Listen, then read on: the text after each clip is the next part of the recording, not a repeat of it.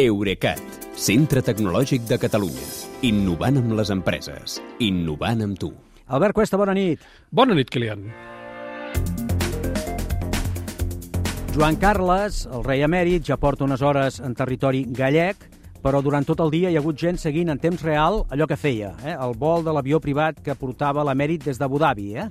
Molta gent, i molta vol dir molta. El vol BFI 747R de la companyia Bestfly ha sigut durant hores el més seguit del món a la web Flight Radar 24 que és aquesta que rastreja tots els vols comercials que es puguin rastrejar. Sí. Al migdia eh, s'hi podia veure com l'avió s'havia enlairat amb 45 minuts de retard. Cap a mitja tarda, quan estava sobrevolant l'Aragó entre Saragossa i Osca, hi havia més de 6.800 persones vigilant-lo i en els últims minuts, abans de que aterrés a Vigo, els observadors virtuals han arribat a superar els 13.000.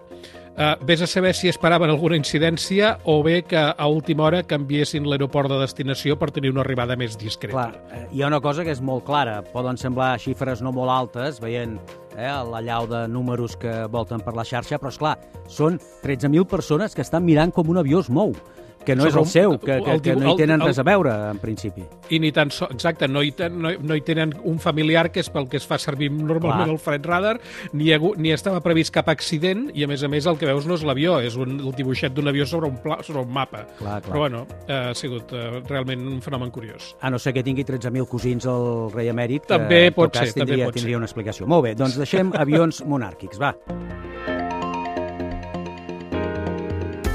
Avui ens vols explicar també que Google ha hagut de tancar la paradeta a Rússia. Uh, literalment, segons Reuters, Google ha declarat la fallida de la seva filial russa perquè no tenen diners per pagar el personal ni els proveïdors. Uh, el motiu no és que li hagi anat malament el negoci, sinó que l'estat rus li ha intervingut els comptes bancaris amb represàlia per haver-se negat a retirar del cercador i de YouTube eh, algun contingut que el govern de Vladimir Putin troba allò inadequat, com són els canals d'alguns mitjans crítics amb el règim. Eh, això no vol dir que els internautes russos s'hagin quedat encara sense els serveis de Google. Ara com ara, i a diferència del que passa amb altres xarxes com Twitter o les de Facebook, les aplicacions de Google com el cercador, el Gmail, el Maps, l'Android i el mateix YouTube continuen disponibles a Rússia. Val a dir que el mercat rus li va portar a Google l'any passat l'1% de la facturació total, però també que allà, a Rússia, Google no és el cercador més popular. El fan servir menys de la meitat dels usuaris i la resta opten pel servei local Yandex.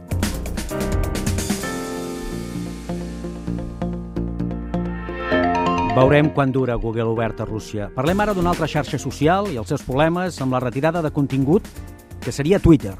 Sí, i si parlem de Twitter també parlem d'Elon Musk. Sí. Uh, com hem anat explicant, uh, el multimilionari diu que quan sigui propietari de Twitter, si és que arriba a ser-ho, tothom podrà dir el que vulgui i no s'hi censurarà ningú. Doncs bé, resulta que Twitter és una de les xarxes que aquests dies s'està afanyant a retirar qualsevol còpia del vídeo que l'assassí que dissabte passat va matar 10 persones en un supermercat de Buffalo, als Estats Units, va anar publicant en directe a Twitch.